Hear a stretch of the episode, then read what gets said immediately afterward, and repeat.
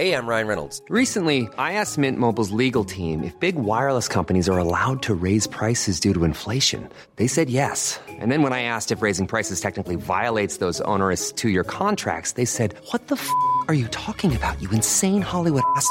So to recap, we're cutting the price of Mint Unlimited from $30 a month to just $15 a month. Give it a try at mintmobile.com slash switch. $45 up front for three months plus taxes and fees. Promo for new customers for limited time. Unlimited more than 40 gigabytes per month. Slows. Full terms at mintmobile.com. Hey, it's Ryan Reynolds, and I'm here with Keith, co-star of my upcoming film, If, only in theaters May 17th. Do you want to tell people the big news? All right, I'll do it. Sign up now and you'll get unlimited for $15 a month in six months of Paramount Plus Essential Plan on us. Mintmobile.com slash switch. Upfront payment of $45 equivalent to $15 per month. Unlimited over 40 gigabytes per month. Face lower speeds. Videos at 480p. Active Mint customers by 531.24 get six months of Paramount Plus Essential Plan. Auto renews after six months. Offer ends May 31st, 2024. Separate Paramount Plus registration required. Terms and conditions apply if rated PG.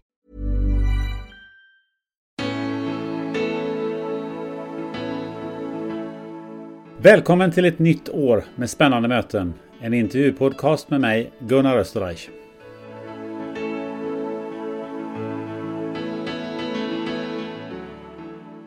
Om man säger så här. Jag hade ju liksom inte, hade jag haft en överviktsproblematik så hade jag inte gått till en läkare och frågat vad jag ska göra åt det.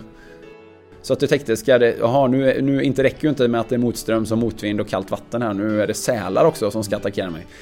Coca-Cola gör ju forskning som visar att socker är jättebra. Nestlé gör ju forskning som visar att socker är jättebra. Barilla gör ju forskning som visar att pasta är bästa maten.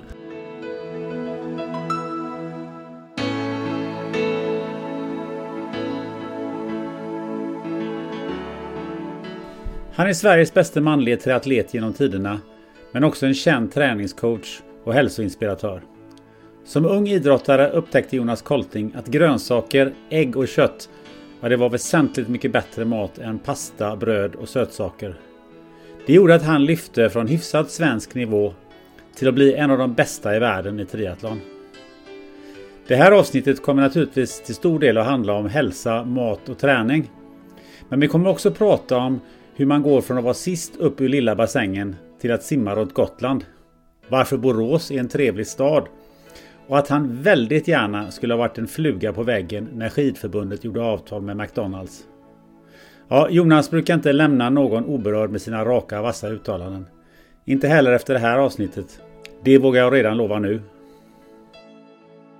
Jonas Kolting, triatlet, författare, föreläsare, entreprenör och hälsoinspiratör. Välkommen till podden Spännande möten. Tack så mycket. Vad av de här grejerna tycker du att du är mest eh, känd för, för den breda allmänheten? Ja, det är en bra fråga. För att nu har jag ju hållit på med alla de här grejerna väldigt länge. Så att eh, tillhör man den äldre generationen, och då menar jag äldre, lika gammal som jag då. 45. Och jag. Ja, precis. Eh, medelålders. Då mm. kanske man och är hyggligt idrottsintresserad. Då känner man nog kanske framförallt till mig som idrottsman eller triatlet. Mm. Och eh, är man lite yngre och kanske inte sådär jätteidrottsintresserad så kanske man såg mitt eh, TV-program på TV4. Eller det jag var coach i alla fall, som heter Riktiga Karar. Och det hade ju också med triathlon att göra, men då var jag ju mer i en coachroll. Liksom mer hälsoträningsinspiratör. Med helt annan typ av människor? ja, precis, precis. Och jag jobbar ju väldigt mycket med coaching också. Eh, och Eh, Eh, är man sådär ehm, inte alls egentligen intresserad av, av träning så är det ju möjligt att man har kommit i kontakt med mig som eh, ja, debattör eller föreläsare eller att man är mer intresserad av, av liksom hälsobiten. Då. Så det kan man ju tänka då. Så att, eh, ja men den bredden är väl trevlig tycker jag. För min egen del. Då. Ja, för du driver ju en ganska tydlig agenda vad det gäller hälsa, mat, träning i, i, i olika forum. Skulle man kunna beskriva dig som en folkbildare? Eh, ja, det hade ju varit väldigt trevligt. Det är ju det är ett väldigt trevligt epitet tycker jag. Det, det tar jag tacksamt emot.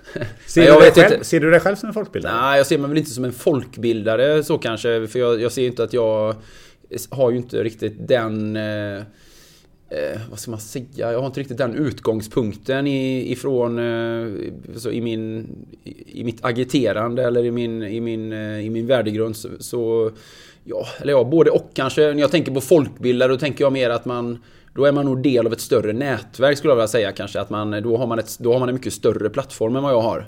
Uh, ja, så hade jag nog velat eh, se det. Jag menar, jag tycker... Mm. På spåret på SVT liksom. Det är folkbildande på ett sätt liksom. Eller allmänbildande så här. Men eh, det jag, jag vill, skulle i alla fall... Nu är ju det här ordet influencer en väldigt... Eh, det är ju väldigt, eh, har ju blivit lite nedsvärtat eller har- är ju liksom lite vinklat i sådär och man tänker influencer, det är många 18-åriga tjejer som är influencers. Så det handlar mer om att sälja saker kanske. Men eh, att, att på något sätt vara en eh, kanske en positiv kraft eller att vara en, eh, en opinionsbildare kanske är ett bättre ord. Så. En opinionsbildare. Ja, det Bra. tror jag. Det hade nog kanske passat. Det epitetet passar mig nog bättre. Vi kommer tillbaka till eh, eh, det här. Vi ska ju prata en hel del om, om hälsa och träning naturligtvis och, och lite sådana grejer. Men jag tänkte först lite, kolla lite med din, din bakgrund. För du, du är ju född och uppvuxen i eh, Borås här. Mm, jag är faktiskt född i Göteborg om sanningen ska fram. Jag flyttade hit, eller mina föräldrar flyttade hit väldigt tidigt. Jag hade bara sex månader i Göteborg. Men sen har jag faktiskt varit Borås trogen. Ja, Okej, vad- hur var det att växa upp i Borås på den tiden? Ja, alltså det, det, var, det var väldigt bra tycker jag. Jag har ju varit... Eh, alltid varit... Eller när man växer upp så är man ju aldrig särskilt förtjust kanske i sin hemort. Man vill gärna flytta därifrån. Det är väl en normal, liksom, normalt hos de flesta. Men eh, jag f- både förlikar mig väldigt snabbt med att vara boråsare och bo i Borås. Och eh, gick från att lära mig att acceptera Borås till att tycka om och faktiskt älska Borås nu. Och, och eh, ser väldigt mycket alla de oerhörda fördelar som den här stan har och haft för min del då. Att det varit väldigt nära till allting. Det har funnits eh, väldigt eh, bra eh, skolor idrottsmässigt. Alltså idrottsföreningar som har tagit mig under sina vingar. En fantastisk natur runt hela stan som erbjudit mängder av träningsmöjligheter på ett nära sätt. Ja, närhet till att kunna resa och göra saker, entreprenörsanda. Människor, duktiga människor som har hjälpt mig sen senare i min karriär för att komma igång med andra saker. Och, eh, Ja, det har funnits, det har funnits och sen har det varit liksom en, en plattform för att kunna arrangera saker, de här eventen jag har. Och, eh, ja, så att eh, Borås har väl varit fantastiskt. Men sen har ju Borås som stad gjort en oerhörd resa de senaste 10-15 åren. Borås, när jag växte upp 70-talet, tidigt 80-tal, då led ju den här stan av, en, av ett kollektivt dåligt självförtroende. Lite grann i spåren av den här textilkrisen. I, i skuggan av att Borås är det här tråkiga staden, eh, den regniga staden, eh, staden lite grann på dekis och sådär. Men den eh, det underläget har ju Borås verkligen kämpat sig ur och får väl, tror jag, utan att vara alltför lokalpatriotisk, Borås får väl verkligen idag anses vara en av Sveriges eh, ja, tillväxtkommuner, tillväxtstäder. Eh, idag tror jag vi, de flesta kan vara rörande överens om, även om man kan skoja om väder och sådär, att Borås verkligen är en stad på frammarsch. Och att det händer oerhört mycket positiva saker här. Men kommer du från en idrottsfamilj? Det Nej, inte alls. Nej, vi hade noll idrott i min familj. Nu i och för sig ska jag ju faktiskt säga så här att min pappa, som inte bor i Sverige längre, som har bott i Kanada i 40 år, var ju faktiskt en typ av idrottsman. Han tävlade i ballongflygning, varm- varmluftsballongflygning och var faktiskt eh, både svensk mästare, kanadensisk mästare och slagit världsrekord i sån här höjd höjdrekord och så liknande. Så på något sätt, i någon, i någon form där, jag tror inte man riktigt betraktar det som idrott. Men eh, nej, på, på ett mer eh, typiskt och traditionellt idrotts... Ur ett traditionellt idrottsperspektiv så har vi ju ingen idrott i min familj överhuvudtaget. Men eh, när du gick i skolan då så var det var liksom idrott var det ditt, ditt bästa ämne? Eller gymnastik som det hette på den tiden. Var liksom det, var du lite stjärnan i det där? Nej, jag var kass faktiskt. Jag var sämst. Jag var jättedålig faktiskt om jag ska vara helt ärlig. Eller jag är jättedålig men jag, det som blev mina paradgrenar här nu, simning och löpning, det var jag ju riktigt dålig på. Jag var ju sist i klassen att lära mig att simma exempelvis då. Bröstsim då. Eh, hundsim och crawl hade jag hyggligt behärskat men eh, just det här bröstsimmandet var jag ju väldigt dålig på faktiskt. Fick ju lämna lilla bassängen sist av alla. Så Var det var ju folk som- verkligen obegåvad. var det folk som påpekade det för dig också? Liksom dina Nej. kompisar som sa liksom ah, men fan vad du är kass eller liksom, Nej, eller det tror jag inte. grejer. Jag var väl okej på att springa fort så här, springa 60 meter och spela fotboll. Så var jag ju inte sämre än någon annan. Eh, Jag hade ju lite storlek tidigt då liksom. Jag var ju ganska lång tidigt. Så, så att, men eh, jag var ju inte... Jag var ju liksom ingen talang på någonting. Liksom, spela pingis, basket. Alltså jag var, var väl ungefär som alla andra. Men just det här att jag var sist Sist ifrån lilla bassängen och sen också när vi skulle springa längre distanser Så var jag ju faktiskt sämst i klassen initialt då när vi pratade 10 år. Jag hade ju inte riktigt... Jag började ju inte träna simning förrän jag var någonstans där 10-11 år. Och då gick det ju lite bättre ganska snabbt. Då byggde jag ju upp en, någon form av grundfysik ganska tidigt då. Men eh, nej, då, nej, det tog ett bra tag innan jag tror någon tyckte att jag var särskilt begåvad idrottsmässigt. Sen det är klart när man kom upp högstadiet 15-16 år då hade jag ju, då hade jag ju hunnit utveckla en sån grundfysik. Jag var faktiskt väldigt bra på höjdhopp om jag nu minns. Jag, just i fjärde klass så hoppade jag... Jag var nog den som hoppade högst i höjd. så där var jag talangfull, ja. lite grann. O, högst oväntat faktiskt. Och det var eh, ingenting du satsade på utan nej, det blev simning av någon anledning? Ja, nej, jag tror inte höjdhopp hade blivit min grej ändå sen faktiskt. Men jag kan ju, det kan ju ha berott på också att jag var längst av alla. Mm. Så där hade jag ju en klar fördel. Men det kommer sig att eh, det du var sämst i var det du nödvändigtvis eh, skulle träna? Jo, men min mamma satte mig i crawlskola. Eh, för att det var liksom en naturlig utveckling från att ha lärt sig att simma på något sätt. Och det var väldigt tacksamt för henne att sätta mig i crawlskola. För att då, det var väl, jag tror crawlskola var på någon, på någon lördag eller söndag. Då kunde hon göra lite andra grejer och hon kunde liksom lita på att vi var där på badet. Då, eller jag var där. Då kunde hon lämna mig och sen åka och hämta mig då. Eh, och sen hade jag en kompis som höll på, Kåre, som höll på med simning. Eh, och eh, i simklubben Älvsborg i Borås. Så att jag eh, hängde med honom på simträning. För jag, jag tyckte, jag var, jag hade lite naturligt sett krål i mig, hundsim. Och jag hade liksom en idé om att jag, jag var inte helt obegåvad på att kråla. Bröstsim däremot har jag ju aldrig lärt mig, inte ens som tävlingssimmare var jag ju bra på bröstsim. Eh, så att det var ju lite slump och tillfällighet faktiskt då. Men jag kände mig väldigt hemma i vatten. Så att jag trivdes ju i vatten hela tiden. Men det var ju mer att det här bröstsimmandet, eh, det här simskoletänket passade ju inte mig bra då. Eh, så att det var ju, det var ju väldigt mycket tillfällighet. Men sen blev det så för mig att det blev tacksamt, eller det passade mitt psyke väldigt väl att få tävla mot mig själv. Just det här att man lär sig, man simmar 25 crawl, man simmar 50 crawl, man får en tid och sen så simmar man nästa gång och så slår man den tiden och så blev det en positiv förstärkning i det. Och så tränar man och så såg man upp till simmare som simmade fortare och så här så blev det snabbt lite drömgräns och så här, kunna simma 50 meter under 40 sekunder, kunna, du vet så här, kunna simma 100 meter under 1.30, under 1.20. Så, så det blev en, en sån det blev en sån... Eh, det fanns någonting konkret för mig att jobba emot hela tiden.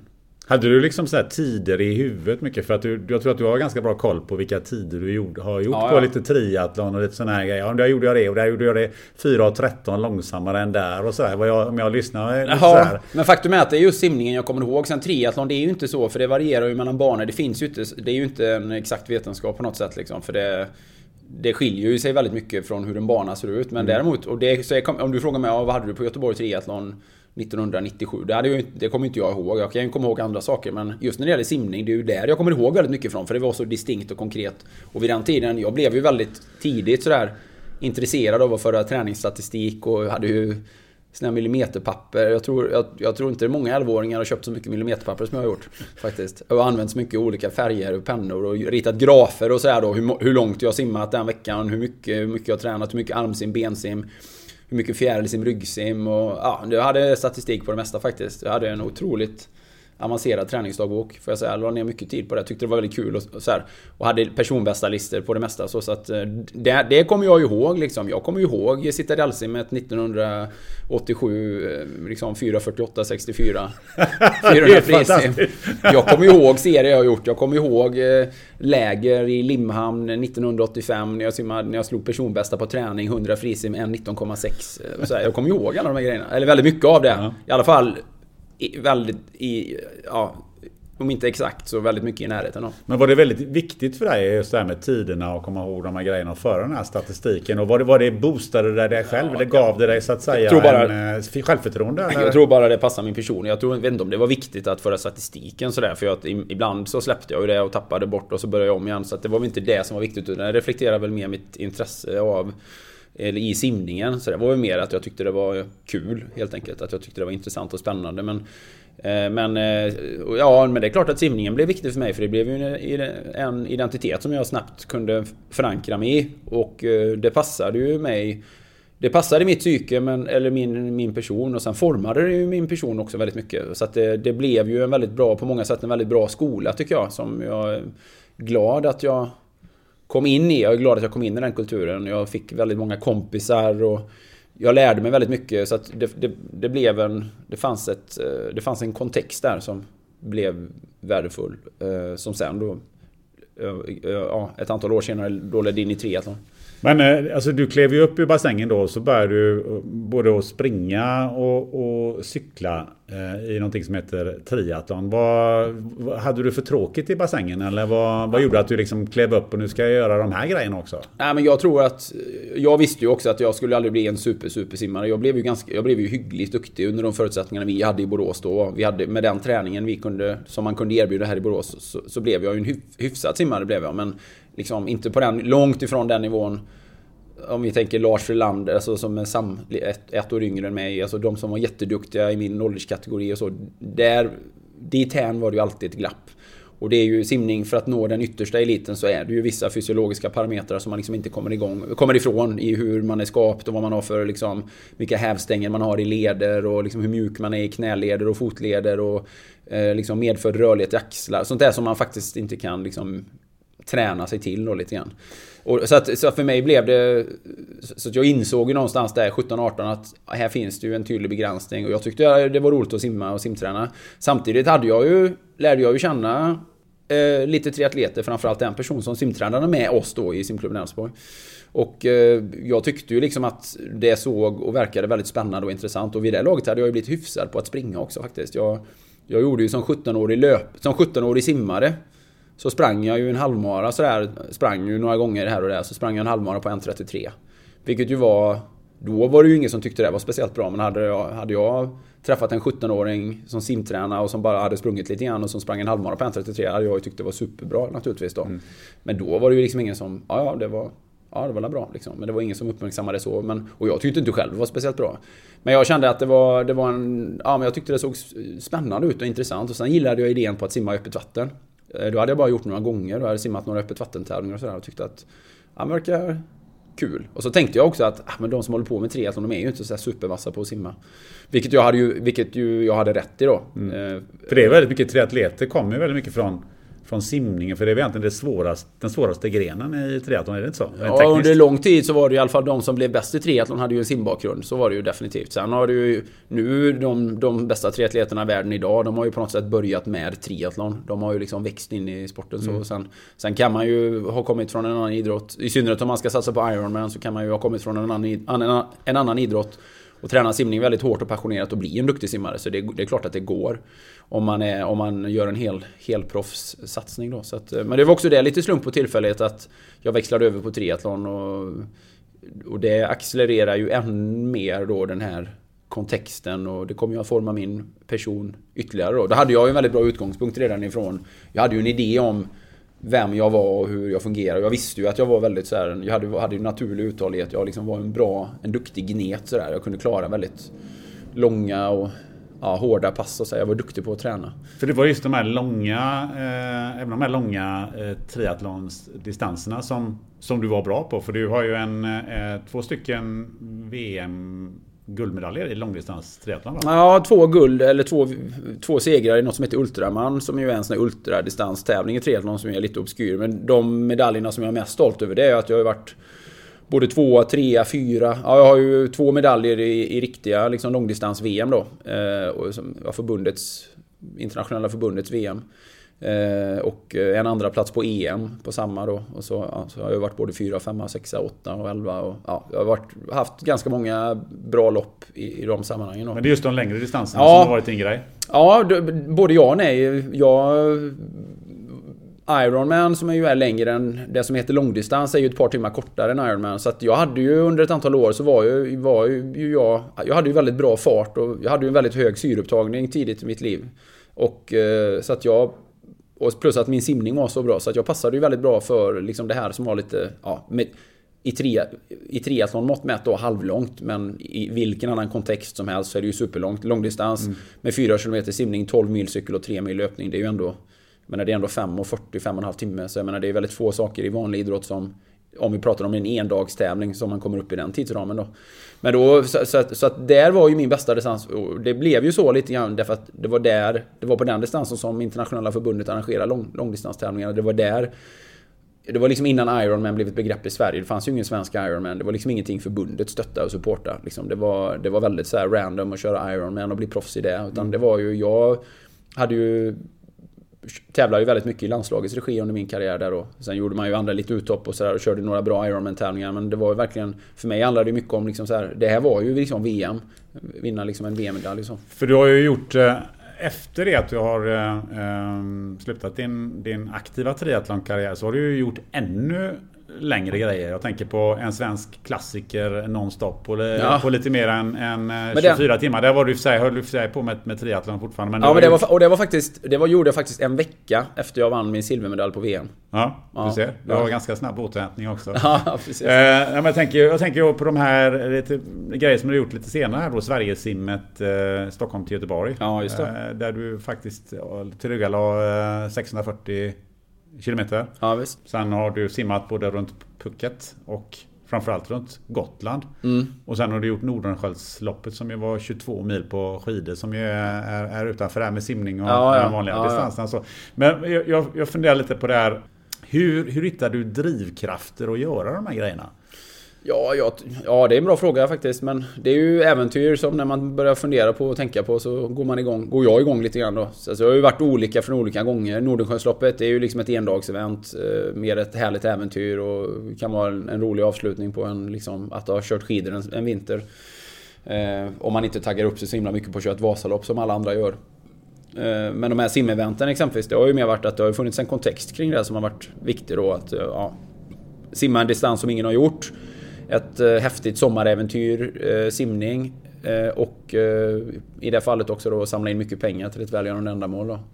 Gotland var ju, var ju också en kontext som hade mycket med opinionsbildning att göra. Då. Att eh, uppmärksamma det här med folkhälsa och att eh, försöka påverka beslutshavare, beslutsfattare i Almedalen Eh, att eh, bygga fler simhallar i Sverige och så. Så att eh, det finns ju liksom olika, det finns ju olika kontexter. Den här klassiken på ett dygn, det var ju lite grann också så här att Också en sån här idé som föddes många år innan det väl blev verklighet då. Att så här, men det här är ju som en triathlon. Simma, cykla, springa och sen lite skidor på det då. Det, det borde man liksom kunna, kunna göra i ett svep då. Sen ja, så han ju, har ju många andra gjort det på liknande sätt. I olika sammanhang då men Eh, Eh, ja men det, det, var, det finns olika drivkrafter kopplat till allting då. Så att idrotts, idrottsmässigt så är det ju en sak för då vill man ju liksom göra sitt bästa och tävla. Det blir ju en yrkesstolthet och man tävlar ju för att eh, både för att eh, Ja, för att det finns en stark drivkraft i att göra sitt bästa, i att vinna medaljer och man jagar en dröm då att kanske bli bäst i världen och sådär.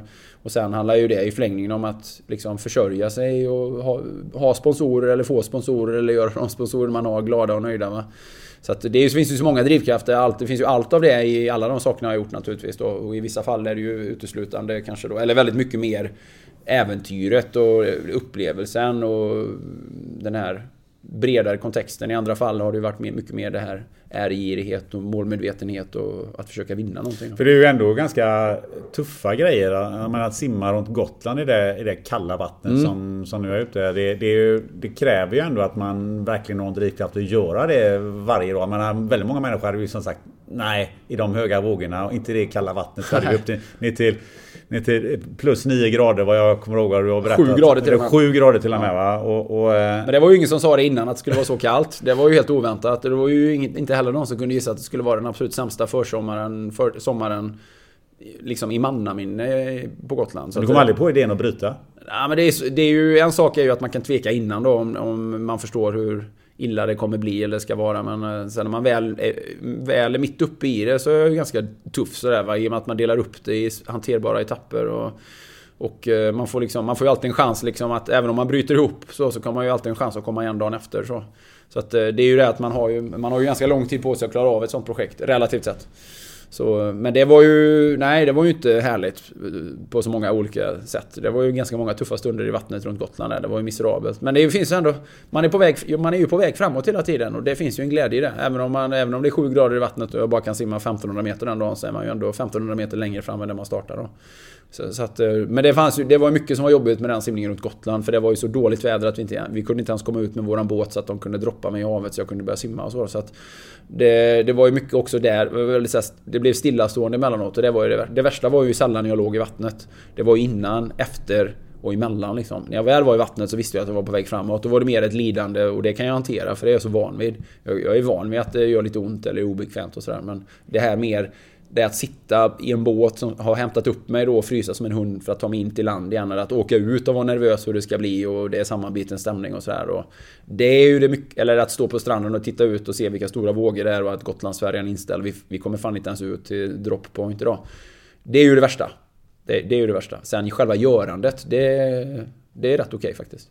Den var omgiven av eh, sälar vid något tillfälle också. Ja. Som var rätt så skräckinjagande. Läste du det till efteråt? Ja, jag fick ju reda på det också under tiden. Så jag hade ju faktiskt lite... Det är ju, det är ju nästan så att jag skäms för att säga det. Eller skämdes ju nästan för det då eftersom jag... Jag är ju aldrig rädd för någonting i vattnet. Och aldrig varit heller. Och liksom, jag har aldrig liksom... Jag har aldrig...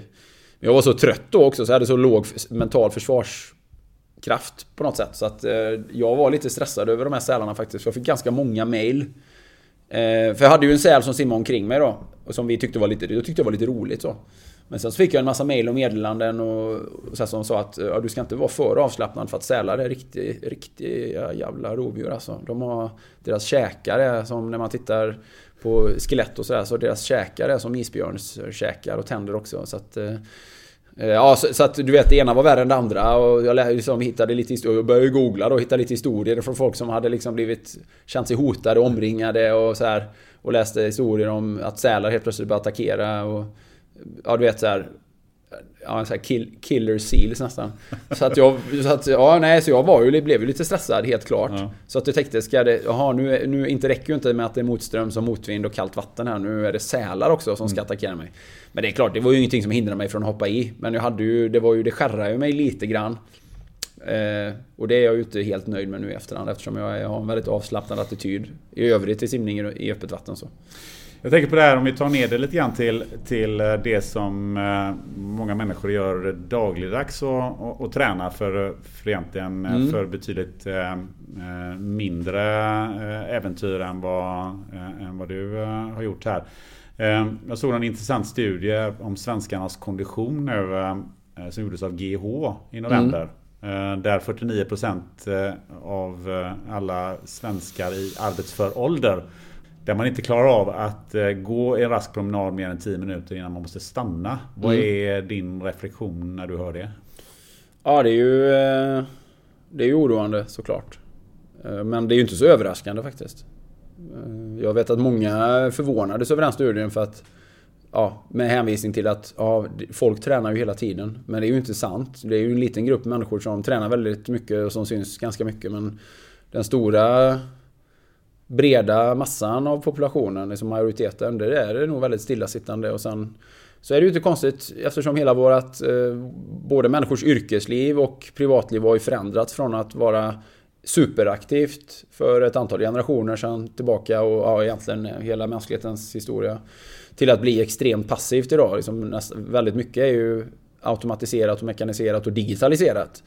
Och eh, vi har liksom inga fysiska yrken kvar heller i det stora hela. Inte på det sättet som man jobbade mm. förr i tiden i alla fall. Det är få människor som försvinner, som, för, som, det är få människor som får lön. Liksom som behöver upplåta någon, så här, sitt anletes svett för att förtjäna sitt levebröd. Det, då är det väl, det är väl möjligtvis idrottsproffs i så fall. Då. Nej men så att det är ju inte speciellt förvånande faktiskt för mig. Men det är ju det är ju väldigt alarmerande tycker jag. Och det är klart att det, och det ställer ju en massa följdfrågor mm. naturligtvis. Vems ansvar det är att se till att det blir bättre och vilka konsekvenser som det här kan få i längden. Men eh, förvånad är jag inte. Hur, hur um, får vi det här att folk faktiskt ska börja röra på sig även om det är det lilla så att vi får ner det till någonting som är som alla tycker är hanterbart för att det finns ju en del som säger ja men de andra som idrottar de det orkar inte jag med. Jag orkar inte göra alla de här. Jag orkar inte springa eh, fyra gånger i veckan. Och så. Hur mm. får man ner det till så att vi faktiskt blir ett folk som rör på sig lite mer? För det, den, det krävs ju inte extrema Nej. Eh, förändringar för att vi ska få en förbättring. Nej, det krävs ju väldigt lite faktiskt för att man ska komma upp på en nivå som är normal. Nu, nu hänvisar man ju mycket till det här att det är en så stor del av befolkningen som ligger på en farligt låg nivå. Alltså på en nivå, vi, vi pratar ju inte så här om att eh, nivån som krävs för att prestera idrottsmässigt eller att kunna springa ett lopp. Alltså det är inte den nivån som man är orolig över utan man försöker belysa det här, det som blir ett folkhälsoproblem på sikt. Alltså det som leder till folkhälsosjukdomar, för tidig död och framförallt för individen en betydligt sämre livskvalitet. Eh, ja, för att ingen vill ju vara sjuk tidigt ingen vill ju dö i förtid och ingen vill ju liksom... Ingen vill ju inte orka med. Så att eh, det är en väldigt komplex fråga tycker jag. Jag tycker ju att det är ett Ja, dels tycker jag ju naturligtvis att ytterst så är det ju alltid individens ansvar. Man får ju... Vi kan ju inte ha ett storebrorssamhälle där någon ringer dig på kvällen för att kolla att du har borstat tänderna. Det måste du ta ansvar för själv. Lika väl som att som du duschar eller byter underkläder eller betalar dina räkningar eller eh, äter bra mat eller vad, eller så här, vad vi än gör som vuxna människor så ansvar, ansvarar vi ju för det själva. Det är ju det enda sättet det kan fungera på.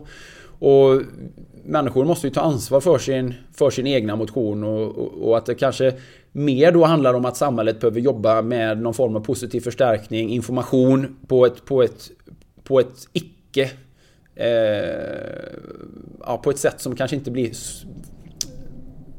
ja, det inte blir så mycket pekpinnar. Jag vet, jag vet inte riktigt. Men sen tycker jag ju att man som samhälle naturligtvis skulle kunna skapa väldigt många fler incitament för människor att motionera. Exempelvis genom att bygga ja, 100 fler simhallar under 10 år. Då. Alltså att skapa arenor eh, skapa idrotts, eh, eh, ja, idrottsarenor men också arenor i den bredare kontexten. Alltifrån utomhusgym till fler upplysta, belysta motionsslingor till ja, ja, på många olika sätt liksom att det finns fler platser där människor kan motionera och göra det mer tillgängligt för motion. Ha, ha mycket mer motion och lek i skolan från en tidig ålder. Eh, kanske ge företag skattelättnader som eh, det företag själva ger bort en eller flera timmar till motion i veckan. Eh, se till att alla i offentlig sektor får betald rörelse på arbetstid. Ha fler statligt eller kommunalt anställda hälsocoacher som kan liksom inspirera, uppmuntra utbilda exempelvis. Ja, det finns ju väldigt många olika sätt man kan göra det på. Men, men i grund och botten landar det ju ändå... Alltså vi ska ju komma ihåg att vi bor ju i Sverige. Vi är ju så otroligt privilegierade från start. Från början. Vad är, alltså, vi har ju natur där ute som ligger gratis för våra fötter. Den är ju, den är ju liksom... Vi behöver inte lösa ett inträde för att gå ut i skogen och springa. Vi behöver inte... Vi behöver liksom inte... Vi har ingen jättehög startup-kostnad för att liksom börja motionera. Och det räcker precis som du säger, det räcker med att promenera väldigt mycket. Det räcker med att bara gå ut och gå. Alltså vi pratar ju nivån att vi tar en rask promenad. Nu orkar ju inte den här målgruppen gå mer än 10 minuter om dagen. Eller 10 minuter innan de blir trötta då. Men då får man ju liksom börja där och gå regelbundna korta promenader. Och man kommer ju oerhört snabbt upp. Man, man får ju en väldigt snabb förbättringspotential när man är så dåligt tränad. Och att promenera är ju väldigt låg risk. Kan du ibland uppleva att den här diskussionen när det gäller träning och rörelse är ganska polariserad och, och ibland inte på en helt eh, alltså på en riktigt vettig nivå. För jag tänker på att då finns det plötsligt några som pratar om att eh, folk tränar för mycket och om ortorexi och i mm. andra vågskålen så ligger det liksom två kilo godis och stillasittande. Jag tycker att det, jag upplever ibland att det det är svårt att hitta den här schatteringen mitt emellan som ju faktiskt är, är, den vägen som vi måste gå. Kan du hålla med ja, om det? Men, men jag, absolut, men, men jag tycker ju att man... Här missar man ju skogen för alla träd. Eller tvärtom. Jag menar man pratar... Precis som du säger, jag tycker debatten har handlat mycket, mycket mer om problemen med överträning. Jag tycker att debatten har handlat, handlat väldigt mycket om det här med kroppshets och utseende. Där man, har, där, där man har på något sätt stigmatiserat den här proaktiviteten och träningen. Där man har gjort, där man har gjort liksom där man har gjort träning, fysisk aktivitet till skottavla, till måltavla liksom. Där man har där man har gjort detta till ett, till ett väldigt enkelt, till en, till en enkel måltavla för kritik.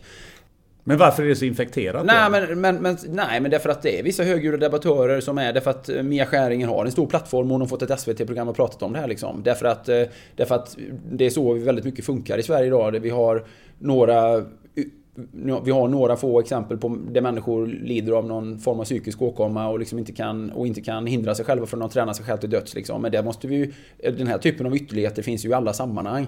Vi har ju folk som dricker vatten tills de dör men det finns ju ingen som skulle gå ut och säga så här nu måste vi stävja allt det här vattendrickandet. För det är liksom inte ett problem för den stora populationen. Tvärtom vill vi att folk ska dricka vatten. Mer än att dricka liksom läsk och öl och vin och allt vad det är. Va? Och, och, och, så att man måste ju kunna hålla, man måste ju kunna diskutera två problem samtidigt. Man måste ju kunna diskutera det här problemet som visserligen bara berör en oerhört liten promille av befolkningen. Samtidigt som man lyfter det mycket större problemet att nästan 50% av Sveriges befolkning är så jävla ur form att de inte ens kan gå 10 minuter och säga att ja, det här är... Och att säga så här, det här är ju en psykisk sjukdom här. Det här är ju liksom människors lathet och oförmåga att se verkligheten i vitögat. Så att jag tycker att det blir ju en... Jag tycker att... Jag håller ju med att det blir en väldigt onyanserad debatt men samtidigt så...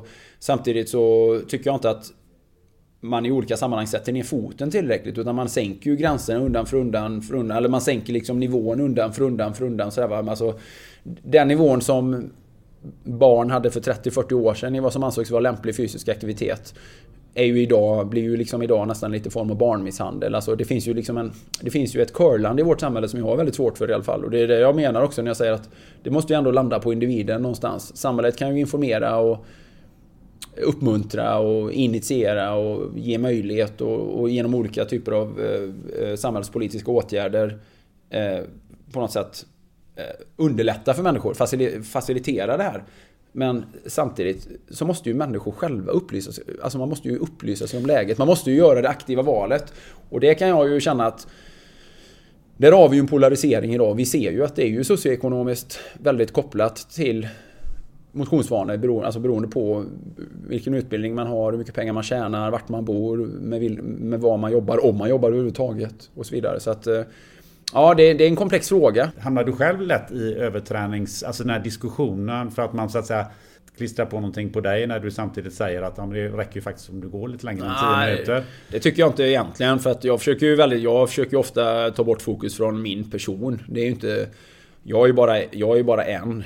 Eh, och jag kanske, jag är ju naturligtvis någon form av outlier eh, i, i, i samtalet. Så det handlar ju inte om det. Men däremot så lyfter jag ju å andra sidan gärna fram vanliga människors prestationer och eh, eh, liksom vanliga människors potential i, den, i, i det större sammanhanget. Jag pratar gärna om människor som har gått ner 30, 40, 50 kilo och som tränar ett och ett halvt år och som sen klarar av en Ironman. Jag pratar gärna om eh, människor som har fått cancer och som använder träning som ett sätt att känna sig starka. Eh, som ett sätt att liksom hitta, hitta kraft att kämpa mot sjukdomen. Jag pratar gärna om, eh, om människor som eh, under ett helt liv har känt sig fysiskt inkapabla och sen liksom någonstans hittar en morot och en drivkraft och, och liksom gör sånt som både de själva och omvärlden häpnar över. Så jag pratar mycket hellre om den biten. Jag pratar mer om potentialen som finns alla, hos alla människor. Sen, sen är jag ju väldigt tydlig med att säga att att köra långa lopp och tävlingar, det är ju absolut inte för alla. Det är ju nästan inte för någon. Det är ju ett väldigt litet antal människor som skulle kunna tänka sig att köra en Ironman.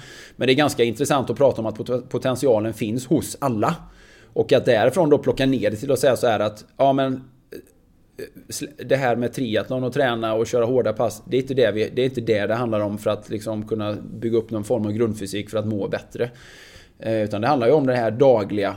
Eh, det behöver inte vara hårt, det behöver inte vara långt. Men det är där insatsen behöver göras. Så att, eh, jag tycker själv att jag behöver sällan hamna i försvarsställning där. Utan eh, jag tror att mina drivkrafter och, och mitt budskap, om man tar sig tid att lyssna lite på mig, är ju ganska, är ju ganska klart. Liksom. Men, eh, men samtidigt... I, jag kan ju också bli väldigt provocerad. Om, jag kan ju naturligtvis, får ju naturligtvis utstå också en del kritik. För jag skriver ju gärna svar på debattartiklar och driver ju gärna debatten om det här. Jag menar hellre fredagsfys än fredagsmys och så vidare.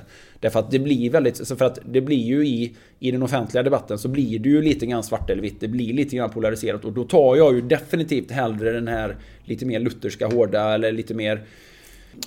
Den, den, den här proaktiva sidan mycket mer. Därför att det här andra är så fruktansvärt överväldigande starkt liksom. Det är så otroligt lätt för folk att sätta sig varje fredag i soffan med godis och, och, det är så lätt för folk att ge upp och det är så lätt för folk att omges av dåliga exempel därför att vi, de dåliga valen är så frestande billiga att göra liksom. De är så frestande, de, är, de finns i så många olika de finns i så många olika led. Så att eh, jag vill ju vara den här, jag vill ju vara den här positiva proaktiva kraften men samtidigt Jag skulle aldrig någonsin säga att den andra, alltså jag skulle aldrig påstå att jag menar det där fredagsmys, liksom, det finns ju där ändå. Men lite fredagsmys innan exempelvis. Va? Det handlar ju inte om, det handlar ju inte i verkligheten om svart eller vitt eller att vara luthersk. Det handlar ju, det handlar ju om livsnjutning och, och så här, Så att jag... Ja, det, för mig kan det vara en liten svår debatt att driva ibland. För att det blir, det tar, det, det hamnar i så många olika former och roller. Många gör ju de här ett Vasalopp eller en Vätternrunda eller så vidare. De är hyggligt eh, vältränade då men är de ändå hälsosamma samtidigt? För jag menar, kan man äta vad som helst eh, om man, bara man tränar tillräckligt mycket? Ja, det kan man ju. Man kan ju äta vad som helst när man gör, under vilka omständigheter som helst. Men det är klart att det är inte alltid att det är det bästa att äta. Ja, men blir man hälsosam? För många tycker att ja, men du som gör... Du menar att det räcker med träning? Ja, men, det, det, ja, men alltså blir ja. man... Är man en hälsosam person per definition om du kan göra en Vätternrunda? Nej, det vill jag inte påstå. Det, sen är det ju klart att eh, om du är så tränad så du kan köra en Vätternrunda så... Så har du oavsett vad du äter så har du ju skaffat dig vissa verktyg och byggt upp vissa så att säga, du har ju byggt upp en grundfysik som är, är väldigt positiv naturligtvis. Om vi pratar om eh, hjärt och kärlsjukdomar och så vidare. Men samtidigt så är inte det den enda parametern om hälsa. Och eh, det som du pratar om där är ju liksom att Det finns ju så många som idag motionerar och som använder motionen som en ursäkt att äta väldigt mycket skräp och godis och socker och så vidare. Och det resulterar ju nästan alltid i, över tid i alla fall, i övervikt och kanske diabetes typ 2 eller prediabetes och så. så att, eh, men det är ändå en ganska liten grupp av människor som gör det. det är, men det är ju en intressant grupp att prata till därför att det är ju människor som i grund och botten är proaktiva men som kanske är lite lurade när det gäller... De är lite lurade av idrottsnutritionsreklam. Eh, de är lite lurade av liksom gamla fördomar om att man behöver räcka i sig socker och så här. Så att de är ju ganska, ändå ganska benägna att eh, försöka göra bättre. Men man ska ju...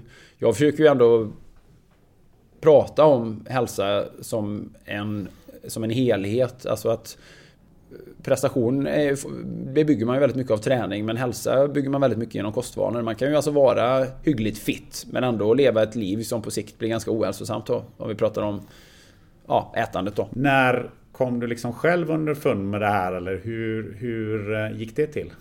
Det gjorde jag tidigt 90-tal efter att uh, ha haft ja, en ungdomstid som ungefär alla andra då. Ganska sjuk ofta och så här förkyld och halsfluss och luftrörsinfektioner och uh, var ju lite sådär... För, vad ska man säga? Ställde mig lite frågande till det här som man sa att just att idrottsmän är sjuka och idrottsmän blir lite sjukare än vanliga människor. Det tyckte jag ju med tiden lät lite konstigt. Även om det faktiskt stämde in med verkligheten. När jag väl började betrakta det här så tänkte jag att idrottsmän borde ju faktiskt vara starkare än den vanliga befolkningen. Man borde vara mera... Liksom, man borde vara friskare. Man, man håller ju på att jobba med sin kropp hela tiden. Men jag hade inte reflekterat över hälsa och prestation som två olika, som två olika kvaliteter egentligen. Så eh, jag åkte och tränade i USA där någonstans 94, 95 någonting och hade kommit i kontakt med en, eh, en hälsoprofil som heter Phil Maffetone då, som var coach vid den tiden eh, till Mark Allen som var sexfaldig vinnare eller som sedermera kom att vinna sex segrar på Hawaii Ironman. Jag läste hans första bok och eh, i den boken var han ju väldigt tydlig med det här att Socker är inte speciellt bra för oss och det ska vi försöka minimera så mycket som det går förklara hur insulin fungerar och egentligen hur stress fungerar som helhet. Alltså hur, hur kroppen reagerar på träning och hur resten av det vi, allt annat som vi gör också påverkar vår, våra nivåer av stress och hur det i sin tur påverkar våra hormoner. Och att ständigt sockerätande då orsakar liksom väldigt stort insulinpåslag, eh, hormonella rubbningar eller, eller ja, en kraftig hormonell reaktion i alla fall. Så att det var liksom en bok som satte väldigt mycket Life is full of awesome what ifs and some not so much, like unexpected medical costs. That's why United Healthcare provides Health Protector Guard fixed indemnity insurance plans to supplement your primary plan and help manage out of pocket costs. Learn more at uh1.com. Hold up. What was that? Boring. No flavor. That was as bad as those leftovers you ate all week. Kiki Palmer here, and it's time to say hello to something fresh and guilt-free. Hello Fresh. Jazz up dinner with pecan-crusted chicken or garlic butter shrimp scampi. Now that's music to my mouth. Hello Fresh. Let's get this dinner party started. Discover all the delicious possibilities at hellofresh.com. This is Paige, the co-host of Giggly Squad, and I want to tell you about a company that I've been loving, Olive and June. Olive and June gives you everything that you need for a salon quality manicure in one box. And if you break it down, it really comes out to $2 a manicure, which is absolutely insane. It's also so easy to get salon worthy nails at home with Olive and June. The difference between how your nails used to look when you did them yourself and now with the Manny system is a complete game changer. The best thing about Olive and June too is it's a quick dry, dries in about one minute, lasts for five days, and full coverage in up to one to two coats. Visit oliveandjune.com slash perfectmanny20 for 20% off your first system. That's oliveandjune.com slash perfectmanny20 for 20% off your first system. Eh, satte väldigt mycket ord på de tankarna som jag hade formulerat i mitt huvud men som jag inte hade någon riktig retorik för faktiskt. Och, och, eh, och sen har du läst på och du har... Ja, du sen har, så, jag testade ju lite grann. Så, så, för min del blev ju det liksom en liten resa där jag började äta mindre vardagssocker, mindre mjöl, mackor, började äta på ett annat sätt, mera fett och liksom började käka fler avokado. Också träna mycket mer med pulsmätare, lyssna liksom på Ja, och det är ju, en, det är ju ingen, det var ju ingen rak linje så. Det var ju ingen 100%, det var ju liksom inte svart eller vitt heller, övergång från en sak till en annan. Utan det var ju en, en gradvis eh, erfarenhet och utbildning och som väl på det stora hela fortfarande pågår. Men det kommer ju att betyda väldigt mycket för mig faktiskt. För att jag blev ju... Stärkte ju mitt immunförsvar jättemycket. Jag gick ju ner en hel del i vikt. Eh, alltså, ja. Blev ju... Blev ju betydligt bättre. Blev ju en bättre fettförbrännare. Blev mycket mer atletisk. Höjde mig ganska många nivåer egentligen från att vara en hygglig triatlet i Sverige till att vara en av de bästa i världen. Så det, det, det påverkade mig väldigt mycket och det, det, blev en, eh, det blev en nästan... Eh, det blev en, för mig en, liksom en revolutionerande upplevelse. Vad är vad är så att säga ditt mission när du går ut och, och föreläser eller svarar på eh, artiklar mm. eller eh, sådär? Nej men jag vill ju vara opinionsbildare i det här fallet för de som vill lyssna. Därför att eh, jag är ju... Jag har ju jobbat väldigt mycket med de här frågorna både med mig själv och med andra och runt andra och skrivit ett antal böcker och håller på, håller på nu med någonting som kommer förhoppningsvis inom, inom en inte alltför avlägsen framtid och eh, Eh, det här är ju liksom erfarenheter som jag vill dela, dela med mig av. Eh, jag, är inte intresserad, jag bryr mig inte om att eh, missionera för folk som inte vill lyssna. Sådär. Jag, är inte, jag är inte som den amerikanska missionären som åker till en ö där man kommer döda mig. Liksom, för att jag menar, nej, de är inte intresserade av att lyssna på min gud. Nej, då tycker jag inte åka dit och prata om det heller. Så att jag menar, folk får äta mycket mackor och pasta och käka mycket gröt och dricka sportdryck som de vill. Det bryr inte jag mig om, om man, om man, är, om man är nöjd med det och inte intresserad av något annat. Men jag har ju väldigt mycket att delge och prata om jag vet ju att väldigt många har uppskattat den här agendan som jag har drivit. Och det är ju för dem och den gruppen att kanske nå ut till fler som är benägna att lyssna på det. Sen ska vi vara medvetna om att hittills har det ju handlat, eller tidigt när jag började med detta så handlade det ju väldigt mycket om hur kan man som idrottsman förbättra sig och hur kan jag tweaka, hur kunde jag undvika, hur har jag stärkt mitt immunförsvar, hur kan man bli en bättre långdistanstriatlet, mindre sockerberoende. Eh, så, men nu är ju den här frågan, nu är ju det en folkhälsofråga. Jag menar, det finns ju inte en, finns ju inte en en så kallad experter då som skulle säga att socker är bra. Det finns ju, ja, det finns ju vissa som... Det finns ju alltid folk som går i Coca-Colas alltså och Nestlés led som säger att nej, det finns inget fog för att socker är farligt. Men de är ju absolut minoritet.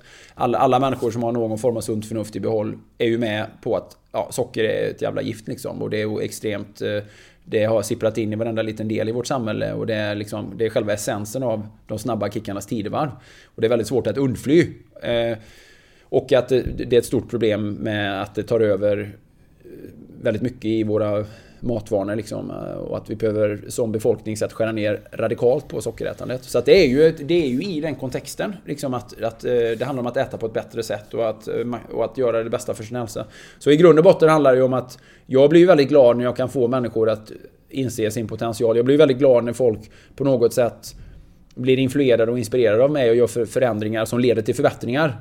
Det tycker, jag är, det tycker jag är härligt. Det tycker jag är extremt belönande. Så att det är ju för dem som jag... Det är ju i det sammanhanget som jag liksom jobbar och verkar. För det rasar ju en debatt där du eh, får en hel del eh, mothugga mothugg eller motargumentation. Framförallt så finns det sådana som säger att du är inte...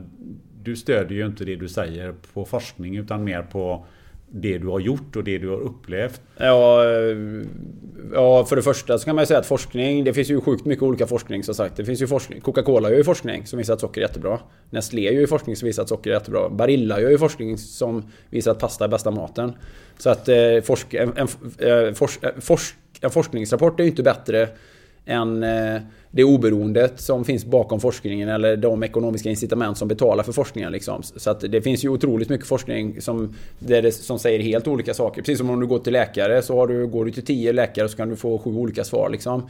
Så att det där finns ju absolut ingen enhetlighet i det. Alltså, det finns ju oerhört mycket samtida modern forskning som stöder exakt det jag säger också. Så att det, där, det beror ju på från vilket håll du argumenterar. Sitter du, är du en prestigefylld dietist som har gått i Livsmedelsverkets skola och som håller hårt på det du har dig 1970 så det är klart att du kan hitta forskningsrapporter med damm på som stödjer det du tycker. Men jag menar, det, det, då får man ju, då får man ju titta på det med, ur ett logiskt perspektiv. Eh, om man nu inte riktigt, om man har svårt att argumentera för det själv då liksom. Så att jag, det bekommer ju inte med att folk säger så här, åh den, den här forskningen stöder inte det. Nej men eh, då får du öppna ögonen och titta på den nya forskningen. Sen är det ju inte så med, när det gäller läkare och sånt där. Det är klart att det är ju uppenbart idag att jag menar, läkarvetenskapen eller, eller sjukvården som sådan, de jobbar ju inte med proaktiv hälsovård, de jobbar med reaktiv vård. De jobbar ju med, med, de jobbar med att diagnostisera och, och hitta en medicin. Eh, vi har ju liksom, om man säger så här, jag hade ju liksom inte, hade jag haft en överviktsproblematik så hade jag inte gått till en läkare och frågat vad jag ska göra åt det.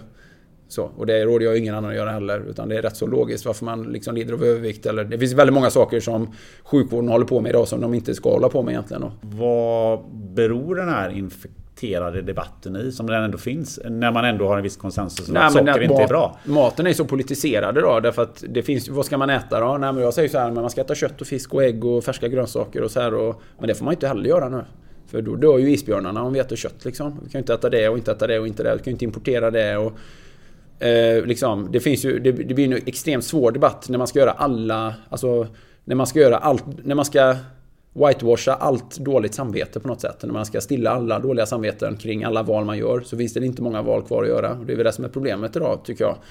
Så att, eh, ja, så att det är en väldigt komplex debatt med maten och jag försöker ju liksom ställa mig utanför, eller inte ställa mig utanför men jag försöker ju jag försöker ju titta mer på Sett ur det genomsnittliga eller traditionella sättet att äta eller det typiskt västerländska eller det typiskt populära sättet att äta. Vanliga sättet att äta på. Vilka förbättringar kan folk göra genom att revidera och ändra och eh, reflektera över de valen. Så, så, så att, och sen, men sen handlar ju allt ytterst, och det blir också så här, alla kan ju inte, för jag pratar ju inte om vad alla kan göra. För att det finns väl ingenting alla någonsin gör i något sammanhang överhuvudtaget. Utan jag pratar om vad, vad de här hundra personerna som lyssnar på min föreläsning jag pratar ju till dem, vad kan ni göra som förbättrar era chanser eller får er att må bättre och, och sådär också. Så att eh, jag försöker ju liksom att inte, jag, försöker, jag, har, jag tar ju inte detta makroperspektivet när jag pratar om det liksom. För det blir ju fullständigt, det är ju fullständigt orimligt. Det, det, om vi pratar om ett makroperspektiv, Sverige, Europa, världen. Alltså det, det är ju mer än att vi är överens om att i princip alla populationer världen över äter ju socker. Men det är inte de, den plattformen har inte jag när jag pratar. Utan jag pratar ju för de som är väldigt intresserade och, och vill veta hur kan man liksom tweaka sin hälsa? Hur kan man, hur kan man förbättra sina möjligheter att undvika livsstilssjukdomar genom att korttidsfasta, genom att, eh, genom att undvika mat som skapar inflammatoriska processer och så vidare. Men eh, ja, jag vet inte vad man ska säga, men maten har ju blivit vår tids, det har blivit vår tids religion och den är ju, och det är ju, har ju blivit extremt politiskt korrekt att liksom hävda vissa saker. Nu är det ju extremt politiskt korrekt att vara vegan, att vara vegetarian, att värna om klimatet, att göra uppoffringar. Det är ju extremt...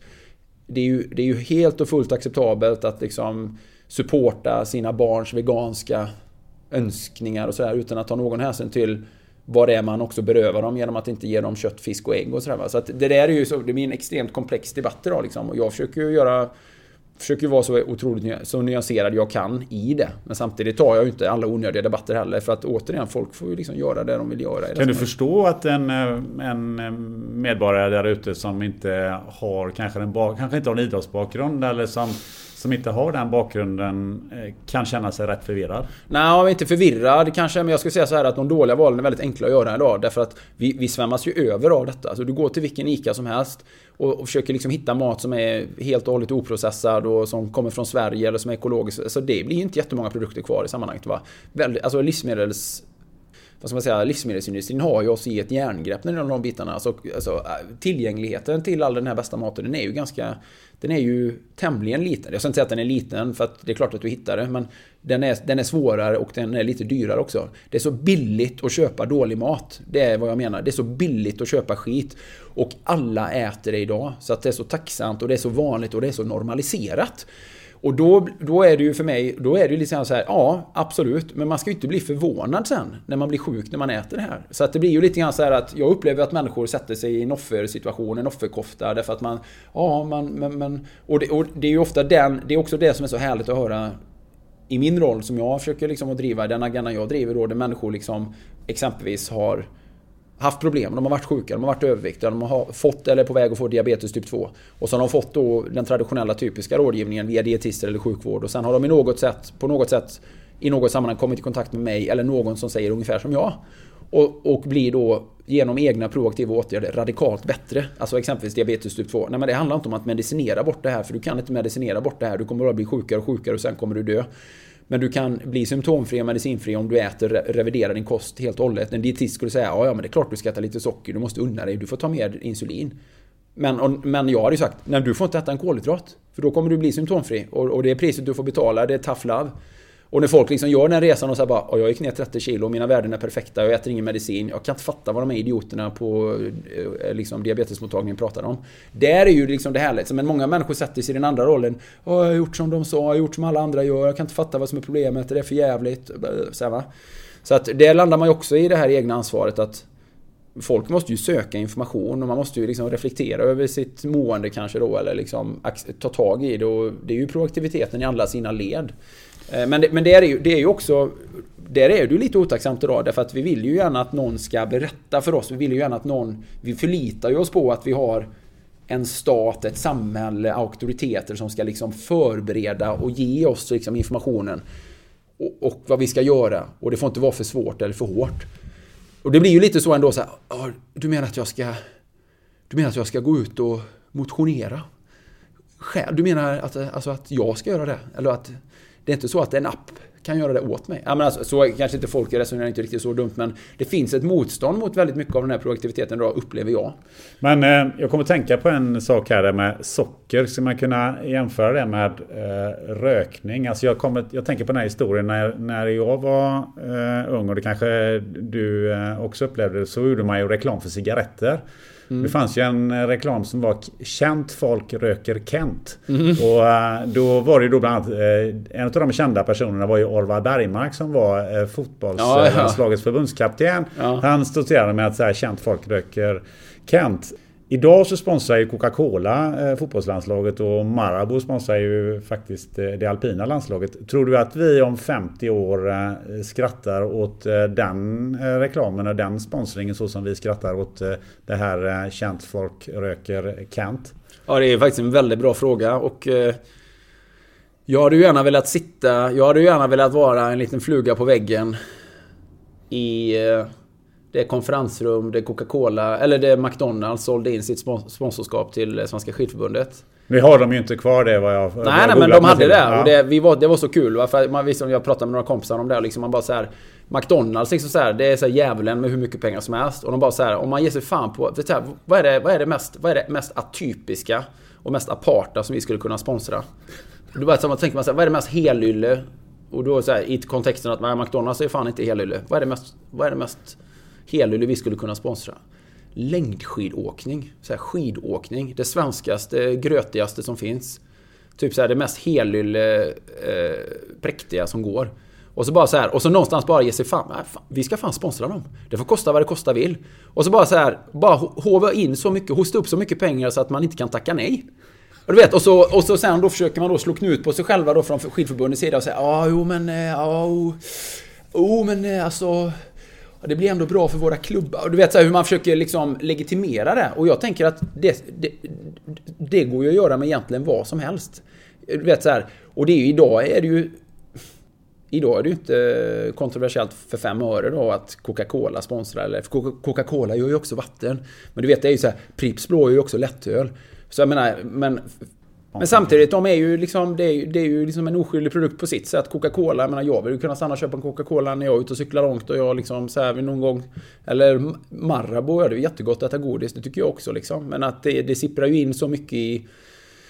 Det sipprar ju in och blir så tillgängligt. Och det handlar ju om att man som individ måste göra starka, vara konkret. Konkret, man måste ju... Det är ju som med mycket annat liksom. Man måste ju sätta upp någon form av regelverk för sig själv. Man får ju liksom bygga upp en moral i hur man hanterar det här. Man måste göra aktiva val och jag säger inte att det är lätt. För det är ju inte det det handlar om. Ingenting av detta är ju lätt och enkelt. Det är ju det folk förväntar sig och har en felaktig bild av. Det känns så svårt. Ja, det tror fan det är svårt. Men det är svårt att få diabetes typ 2 också och bli sjuk. Det är svårt att lida av eh, dysfunktion de sista 20 åren i sitt liv. Det är svårt att väga 50 kilo för mycket. Allt är ju svårt i livet. Utom att bara glida med i någon form av lättja. Så att det där är ju... Det, det, landar ju någonstans i att om vi vill leva i ett samhälle som är tillåtande, öppet, liberalt och det vi förväntar oss att folk ska kunna göra alla val. Då måste vi också förvänta oss att många människor gör dåliga val. Men att... Och att enda vägen till förbättring eller att den enda vägen ur ett samhälleligt perspektiv är att vi på något sätt uppmuntrar människor att göra fler bättre val.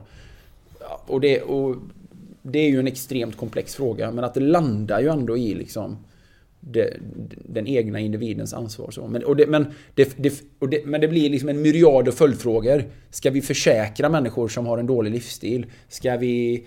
Eh, ska vi eh, eh, Ska sjukpenning gälla sånt som är självförvållat? Ska en person som är överviktig få lika mycket i lön som en person som är normalviktig? Typ i, i, i, i ja, i den kontexten att den personen kanske inte orkar jobba lika mycket eller har fler sjukdagar. Alltså det, det, blir ju det blir en massa, massa, massa följdfrågor som ju är filosofiskt och moraliskt otroligt svåra att svara på. Helt enkelt. Att, eh, som vi får ta i ja. Eh, nästa podd Jonas. Jajamän. Eh, för jag vet att du ska vidare och så jag tänkte att vi avrundar här. Mm. Och jag tänkte bara fråga dig, vad tycker du om det här snacket? Jo men det var spännande och intressant. Ja absolut. Och om du skulle sätta dig i, i min stol, vem skulle du vilja ha mitt emot dig då och intervjua? Jo, jag funderar lite grann på det och då har jag kommit på, med en, då har jag kommit på en kille och en tjej som jag tycker är intressant och som jag själv inte har lyssnat så mycket på. Och då hade jag tyckt det var spännande att lyssna på ett snack med Emily Forsberg. Som är? Som ju är Skyrunner. Som ju är... Såna, ja, Vad är en Skyrunner? Ja, så springer i berg upp och ner. Ja. Hon är tillsammans med Kilian Journé. Mm.